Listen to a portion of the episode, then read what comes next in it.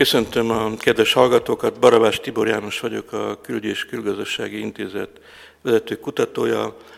Mai nap Romániáról fogunk beszélgetni az intézet Kilátása hegyről podcast csatornáján. Bemutatom vendégeimet, Kántor Zoltán, a Nemzetpolitikai Kutatóintézet igazgatója, illetve Pászkán Zsolt, újságíró, az intézet külső munkatársa. Ha kezdeném azzal, hogy Románia igencsak fontos Magyarország számára, legtöbben azt hiszük, hogy nemzetpolitikai okok miatt, lévén az a népes, most már inkább csak 1 millió 300 ezer magyar, aki Romániában él, viszont kevesen tudják azt, hogy második kereskedelmi partnerünk Románia, rendkívül fontos gazdasági kapcsolat van a két ország között. A magyar cégek 150 millió euró körül fektetnek be Romániában, hivatalosan a, ugyancsak az OTP, a MOL, a magyar gyógyszeripari vállalatok igen sikeresen működnek a szomszédunkban. Ez úgy általánosságban elmondható, hogy ahogy haladunk az időben, egyre inkább gazdasági témák kerülnek előtérbe. Ez is egy biztató jel kéne legyen, hogy a kapcsolatunk Romániával egy ilyen jobb, kellemesebb légkörben fog alakulni remélhetően az elkövetkező években, bár a jósolni nagyon nehéz, már csak azért is, mert a román belpolitika igencsak turbulens, kiszámíthatatlan. Most sem tud, lehet biztosan tudni, hogy lesznek-e előrehozott választások, nem lesznek, marad-e a miniszterelnök, nem marad. A romániai belpolitika feszültségeiről szeretném kérdezni Pászkán Zsoltot. A, azt hiszem, hogy a, mikor romániai belpolitikáról beszélünk, akkor gyakorlatilag nem tekinthetünk el a legfontosabb tényezőtől, ami eddig az elmúlt 27 évben nem fogalmazódott meg annyira markánsan, mindig jelen volt, de talán az utóbbi két-három évben kezdett igazán a felszín számára, tehát kívülről is láthatóan megnyilvánulni. Románia véleményem szerint legalábbis egy rendkívül instabil ország. Két nagyon jelentős és nagyon erős társadalmi csoport, társadalmi réteg ütközik, két tektonikus lap ütközik most egymással.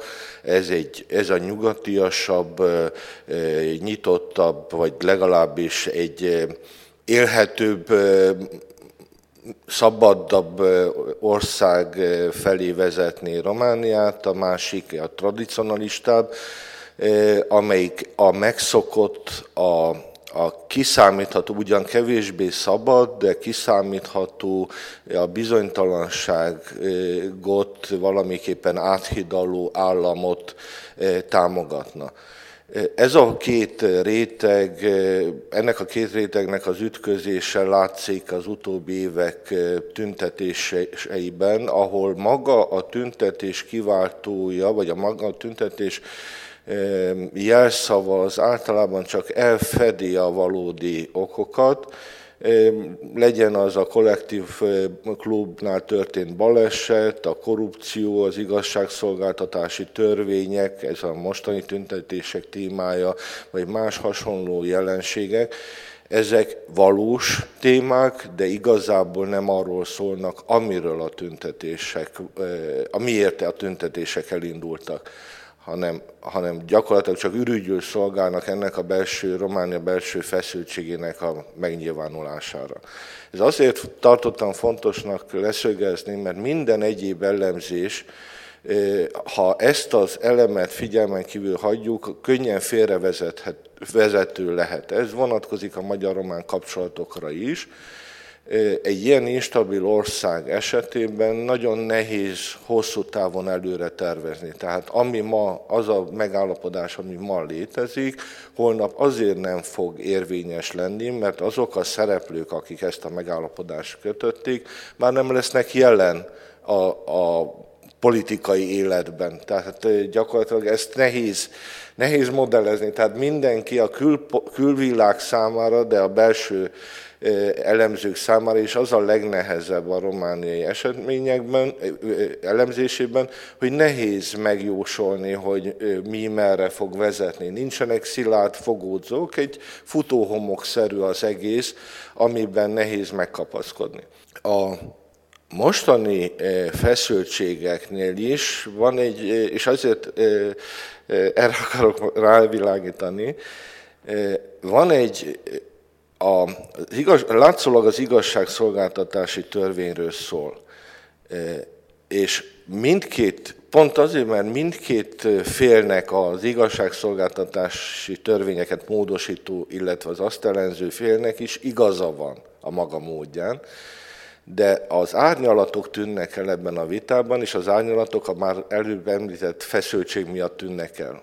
Jelenleg a Hello Kitty-sek és a Predatorok ütköznek a, a román politikában, tehát nincsenek árnyalatok, fehér és fekete van, és bárki, aki az árnyalatokról szeretne beszélni, a másik tábor, az egyik tábor a másikba tolja át. Az igazságszolgáltatási törvény módosítására szükség van. Tehát amit az ellenzék mond, az részben nem igaz. Ezek a most módosított törvények mind rendkívüli eljárással kerültek elfogadásra. Tehát a Monika Makovétől kezdve az összes igazság eh, ügyjel foglalkozó miniszter, vagy sürgőségi kormányrendelettel, vagy bizalmatlansági, tehát eh, eh, a bizalmatlansági indítványt is kockáztató rendkívüli parlamenti eljárással, de valós átbeszélés nélkül fogadták el a törvényeket. Azon lehet vitatkozni, hogy akkor szükség volt-e rá. Igen, valószínűleg igen, szükség volt ilyenfajta eljárásokra, de most azt számon kérni, hogy, hogy miért hasonlóképpen történik egy módosítás, legalábbis képmutatás. Ugyanakkor az is igaz, tehát most, hogy az ellenzék oldaláról beszéljek, hogy, azok a, hogy az, hogy egy módosítás látszólag jól néz ki Romániában, az nem jelent semmit. A román törvények 90%-a úgy van megfogalmazva, hogy mindent bele lehet magyarázni, és annak az ellenkezőjét is. Tehát amikor az ellenzék azt mondja, hogy bizonyos eljárási szabályok megváltoztatása ezt és ezt az aljas célt szolgálja, akkor de facto nem biztos, hogy így van, de, vagyis de jóra nem biztos, hogy így van, de de facto igazuk van, mert millió egy olyan esetet tapasztaltunk az elmúlt időszakban, amikor törvényeket össze-vissza alkalmaztak.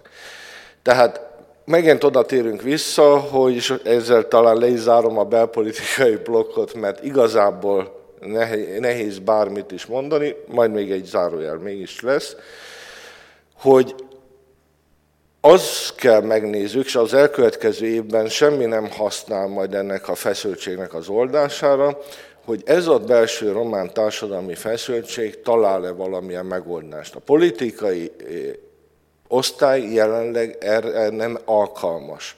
Tehát a politikai osztály, az ellenzék és a hatalom most ezt a társadalmi feszültséget használja föl a saját politikai céljai elérésére a tradicionalista oldalt használja mondjuk a jelenlegi kormánypártok, használják a jelenlegi kormánypártok arra, hogy a saját korrupciós ügyeiktől megszabaduljanak, de ugyanúgy a nyugatiasabb, vagy hogy is mondjam, a szabadelvűbb, vagy bármikor fogalmazzam, társadalmi réteget használ föl az ellenzék ahhoz, hogy hatalmat szerezzen, mondjuk úgy, hogy előrehozott választás provokál ki, tehát belekergeti a, a kormánypártokat abba, hogy úgymond saját magukat buktassák meg, mint már láttuk ezt korábban. Tehát és miközben erről beszélünk, és miközben erről folyik a közvita, nem veszük észre, hogy a, a kormány benyújt egy olyan költségvetési tervezetet, amelyik ugyanolyan gyatra, mint az előző évi, és ugyanúgy teljesíthetetlen lesz, mint az előző évi, amiből következően újabb, tehát nem, nem a politikai válságra majd rátesznek egy gazdasági válságot is, vagy legalábbis annak a, a, az előfeltételeit, és ennek a vége az lesz, hogy az egész gyakorlatilag egy kaotikus helyzetbe torkollik. De ezt meglátjuk, ez még a jövő év története. Köszönöm Zsolt. Valóban a román társadalom skizofrén, én is így látom, vannak a, inkább idősek, inkább időkön élők, inkább alacsonyan képzettek, akik a, a jelenlegi kormányra szavaznak, a szociálliberális kormányra, és vannak az inkább városiak, fiatalabbak, magasabban képzettek, akik a, az ellenzékhez állnak közel, a Nemzeti Liberális Párt most az ellenzék fővezető ereje, és hát az utóbbiak tüntetnek Bukarestben az elmúlt hetekben, tanulni voltunk több tüntetésnek is, de viszont a, ugye a képernyő egy torz benyomást kelthet a román belpolitikáról, mert a, a többség a vidéki, a hagyományos életrendet kedvelő, vagy előtérbe helyező többség, ez nem látható a képernyőn. A, az említett igazságügyi törvénymódosítások gerjesztik most a feszültséget, de ennek ugye, ahogy mondta Zsolt, a alapmozgató, ez a mentalitás különbség a társadalmon belül.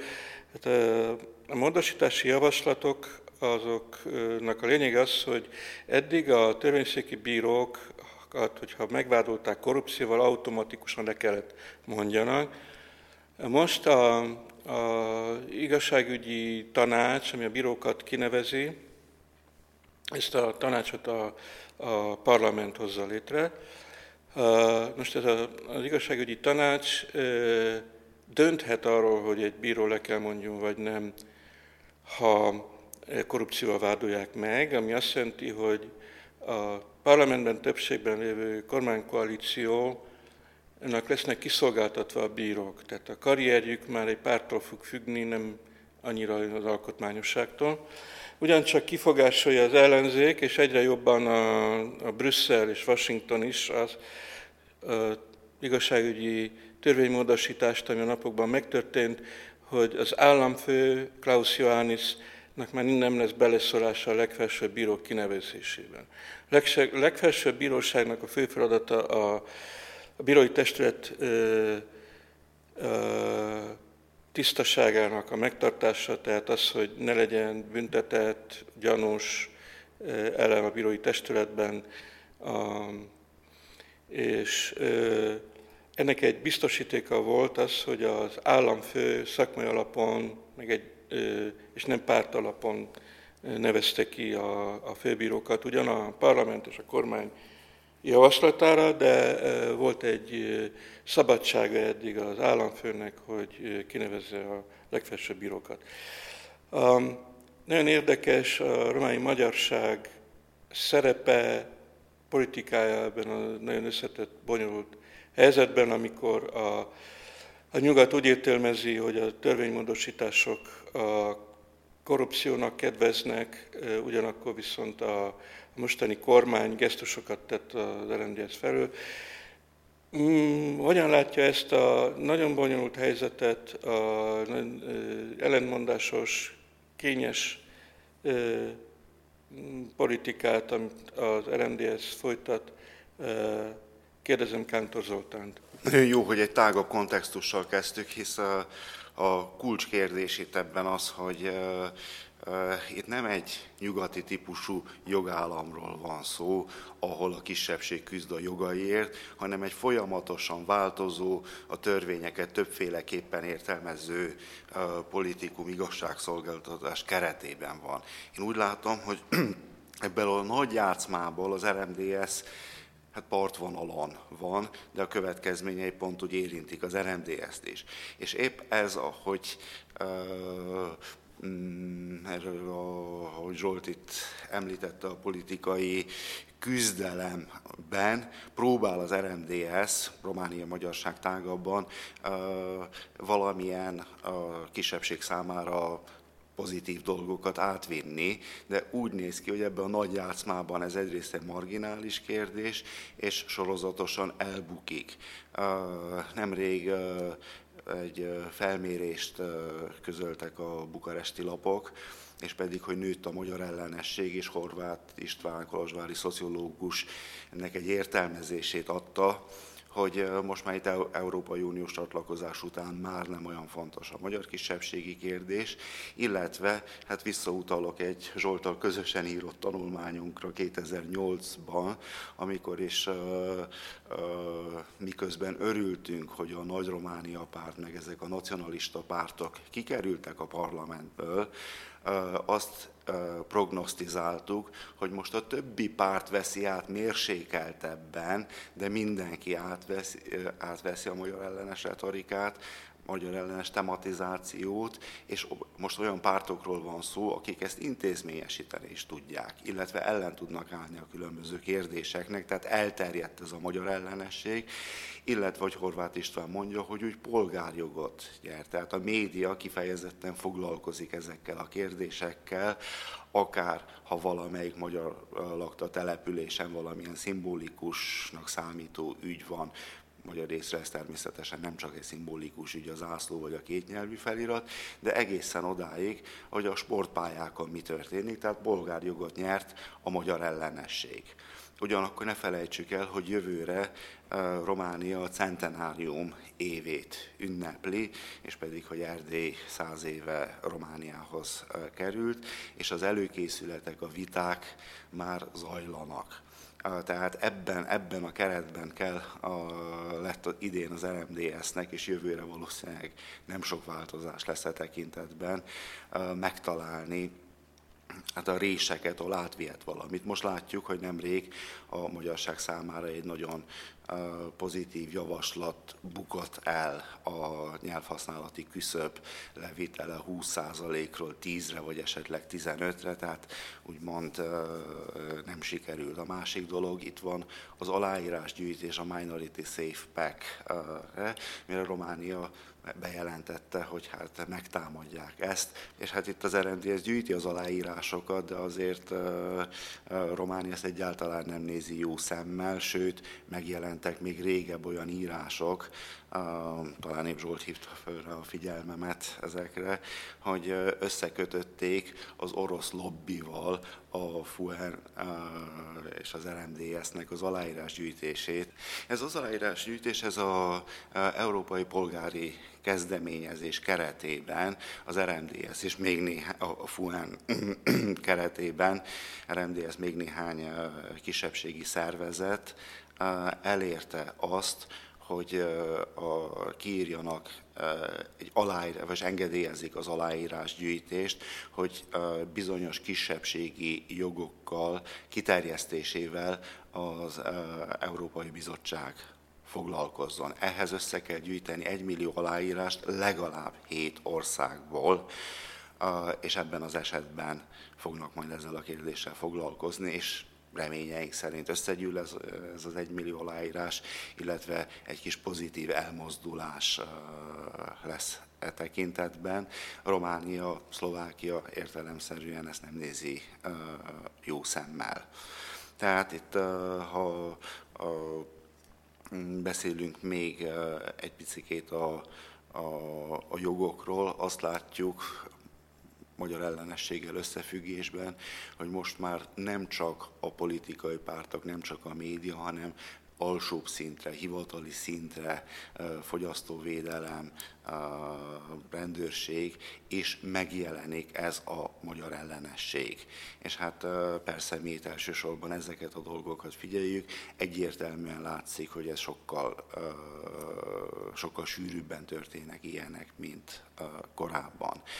A, a romániai magyar pártokról beszélünk, hát az RMDS és a Magyar Polgári Párt együttműködik, fölvetették, vagy vita van arról, hogy esetleg egy autonómia tervezetet beadnak, épp most jelezvén, felhívván a románság figyelmét arra, hogy hát 2000, 1918-ban valamit ígértek, ez lehet produktív és kontraproduktív is illetve hát a néppárttal is alakul egyfajta együttműködés, épp két hete, egy hete írtak alá egy ilyen közös mm, dokumentumot.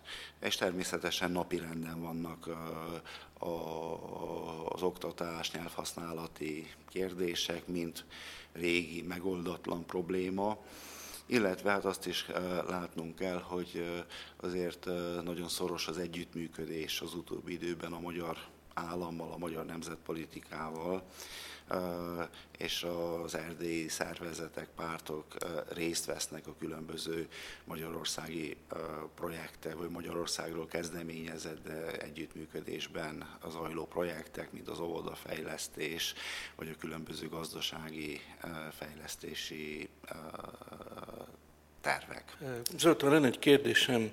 A napokban az RMDS a kormányal együtt szavazta meg a igazságügyi törvény módosítás cikkeit, vagyis azt, hogy a korrupcióval vádolt bírók tovább működhetnek, hogyha a, igazságügyi tanács a, ezt lehetővé teszi, illetve hogy az államfő már nem nevezi ki a főbírókat. Mi a véleményetek erről?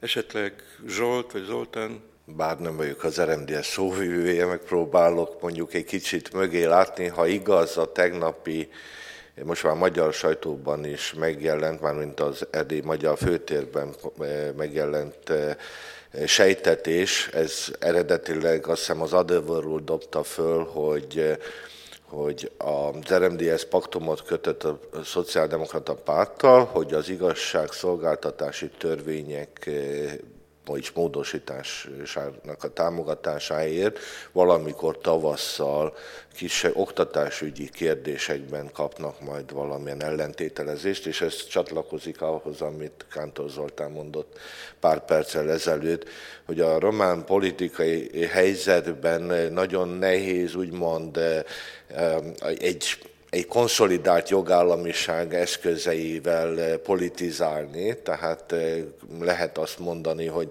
hogy ezek nem telen alkuk, vagy olyan alkuk, amikre eh, normálisan nem kellene sort keríteni, Hát de gyakorlatilag az intézményrendszert is működtetni kell. Tehát egy szervezetnek, egy magyar szervezetnek, egy érdekvédő szervezetnek ezek, ebben a román eh, helyzetben kell úgy bizonyos mértékig a tisztaságát megőrizni, hogy közben a román pártok esetében az, hogy nyakig sárosak, az nem szokott zavaró lenni senki, sem a választóik, sem mások számára sem. Tehát az erkölcsiséget valahogy mindig csak a magyarokon kérik számon, lásd most az ellenzéki román pártok, de ugyanezek az ellen, kivéve a Mentsétek meg Romániát szövetséget, az összes többi ellenzéki párt nagyon simán együttműködött a jelenlegi kormánypártokkal korábbi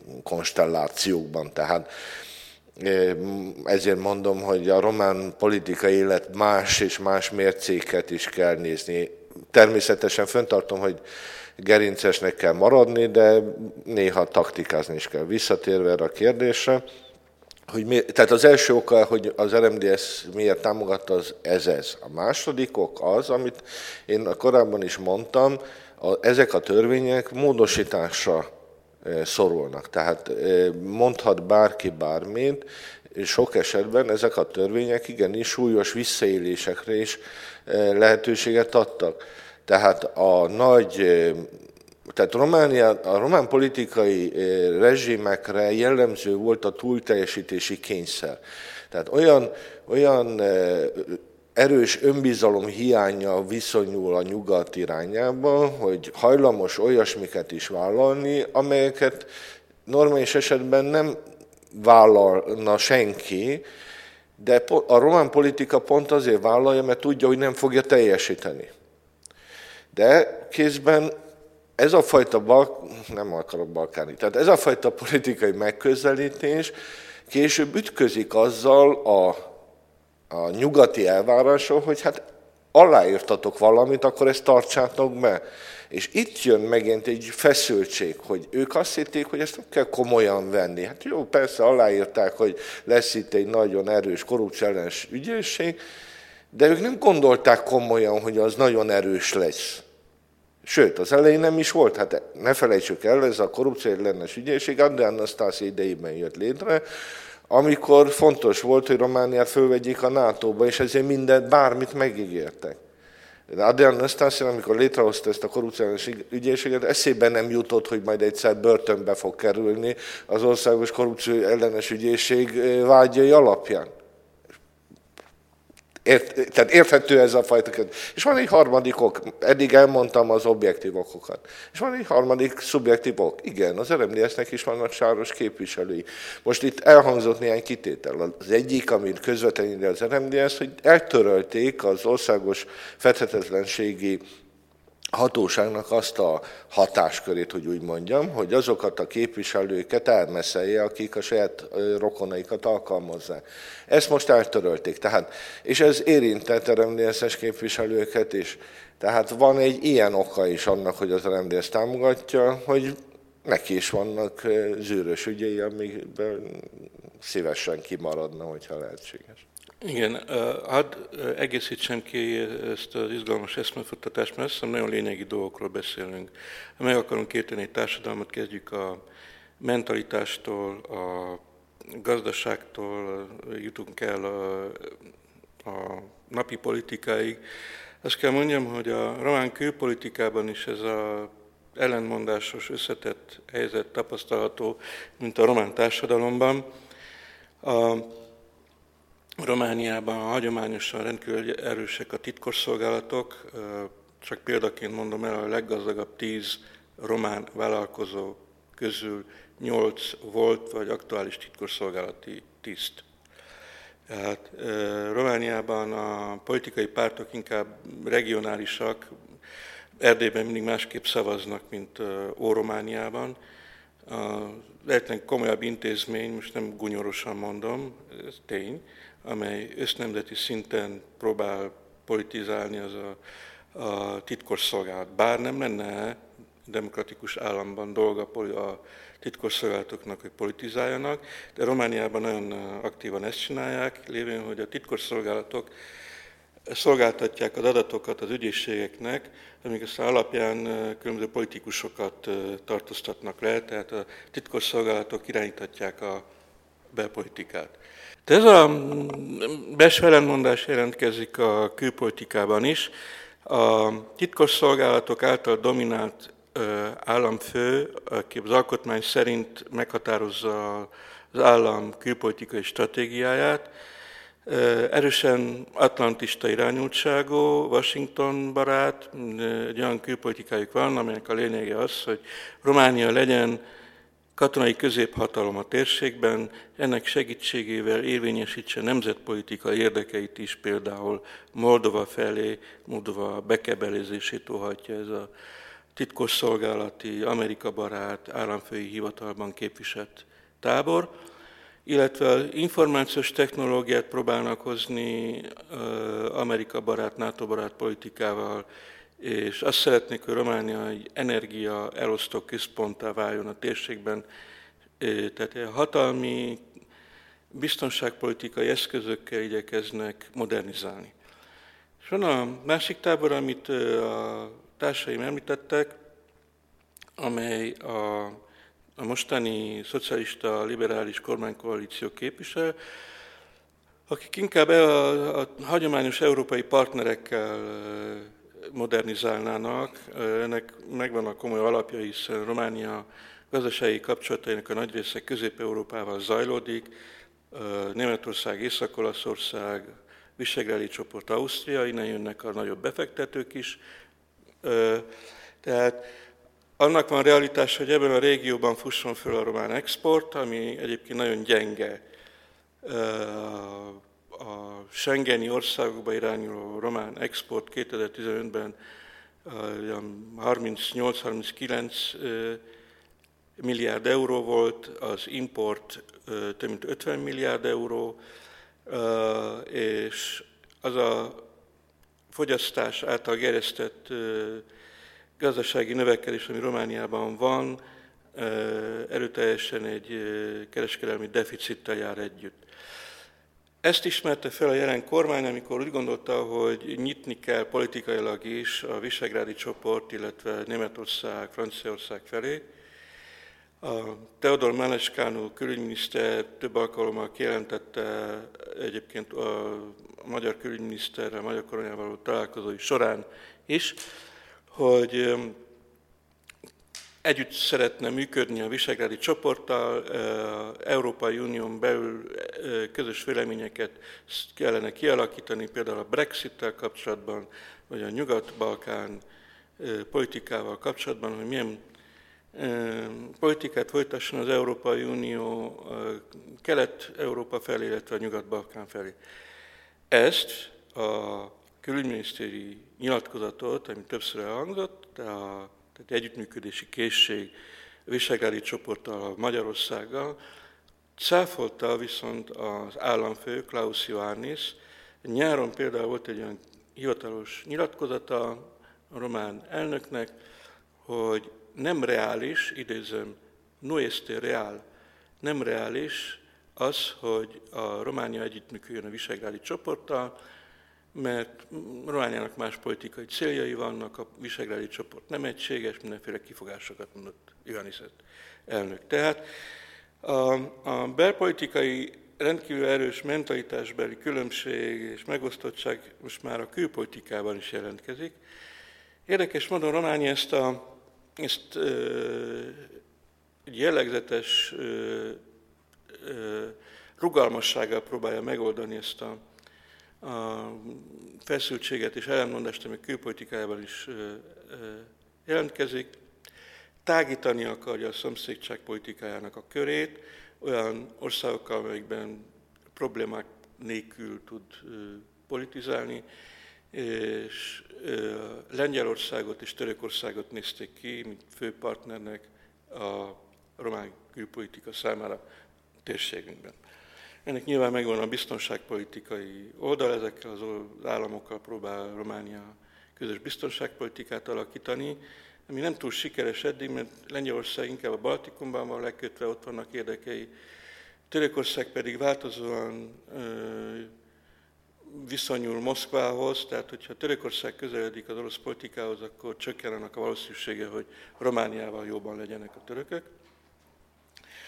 Eddig nem nagyon volt sikeres a román regionális politika, arról nem beszélve, hogy alapvetően az lenne az érdekük, hogy a mi irányunkban Közép-Európa fele építsék gazdasági kapcsolataikat, amik eléggé gyengék. Tehát bár Magyarországgal a két oldalú kereskedelem most már meghaladja 8 milliárd eurót, de egyébként elég gyenge Románia jelenléte gazdasági térségben. A román biztonságpolitika nagyon izgalmas, erről még szeretnék mondani pár mondatot. A lényeg az, hogy mint már említettem, ők gazdasági és nemzetpolitikai hozadékot várnak el attól, hogy biztonságpolitikai hatalom legyen térségben Románia. És a Magyarország, mint kihívás Románia számára csökken, hála Istennek, és egyre fontosabb számukra az orosz kihívás a Fekete-tengeren, a Krím félsziget elfoglalása után, lévén, hogy a Krímből a, a rövid ható sugarú rakéták, az Iskander orosz rakéták már elérik a román tengermelléket. Ez egy nagyon fontos tényező a román politikában, ez a kihívás.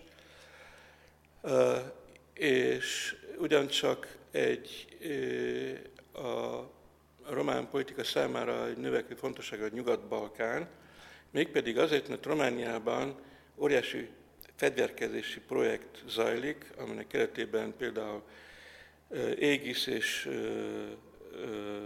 Patriot rakétarendszereket telepítenek, amerikai katonai támaszpontok működnek Romániában, és ezek le tudják fedni a Nyugat-Balkánt is. És Románia föl szeretne ajánlani a NATO-nak, hogy nem csak a Fekete-tengeren aktív biztonságpolitikában és katonapolitikában, hanem a Nyugat-Balkánt is lefedi a rakétarendszereivel. És ez egy olyan tényező, ami szintén újdonság, Románia össze akarja kapcsolni a Fekete-tenger biztonságot a Nyugat-Balkánnal. Azt kell mondjam, hogy ebben a folyamatban Magyarország vannak olyan esetek, amik nagyon jó együttműködés van a románokkal, és partnerek tudunk lenni, ilyen volt Montenegro, Albánia, NATO-hoz való közelítése, és vannak olyan ügyek, amelyekben kevésbé kérik a románok a magyar együttműködést, a, például a Szerbia politikában, bár ott is lennének román nemzeti, nemzetpolitikai érdekek, de a Szerbia felé nem mutatnak a románok együttműködési készséget a magyarokkal. Ez nagyon röviden, 40 perc alatt ez lett volna az, amit el tudtunk mondani. Azt hiszem, hogy a, a főbb problémákat érintettük. Esetleg egy, egy zárómondatot kérnék még a, a résztvevőktől, Kántor Zoltán. Csak a, a, a külpolitikai kérdésekre reflektálnék. Idén Románia is megtapasztalta, milyen az, amikor a külhoni kisebbségeit, az Ukrajnában élő románokat egy olyan törvény sújtja, sújthatja, ami ellehetetleníti az oktatás, az ottani román nyelvű oktatást, és így, ha nem is olyan keményen, mint Magyarország, de azért a román diplomácia is beindult, hogy védje az ukrajnai románokat és az oktatási rendszerüket. Úgyhogy én gondolom, ezek jó tapasztalatok, és talán gyümölcsözik más területen is.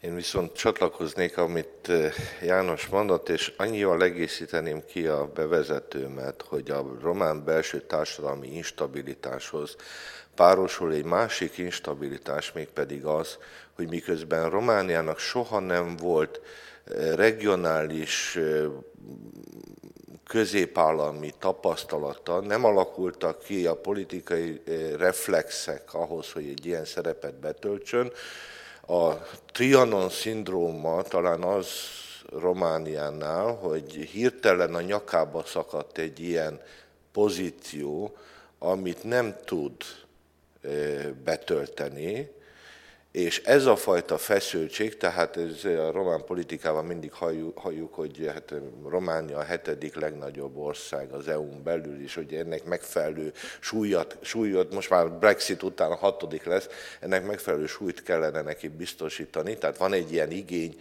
de erre a román politika nem alkalmas és ebből következik a külső instabilitás. Tehát ezért mondtam, hogy Románia egy mélyen instabil állam belül és kívül egyaránt. Nos, kedves hallgatóim, köszönöm szépen a figyelmüket. A Külügyi és Külgazdasági Intézet Kilátása a hegyről podcast csatornáját hallották. Baravás Tibor János vagyok. A viszont hallásra 2018-ban izgalmas év vár ránk.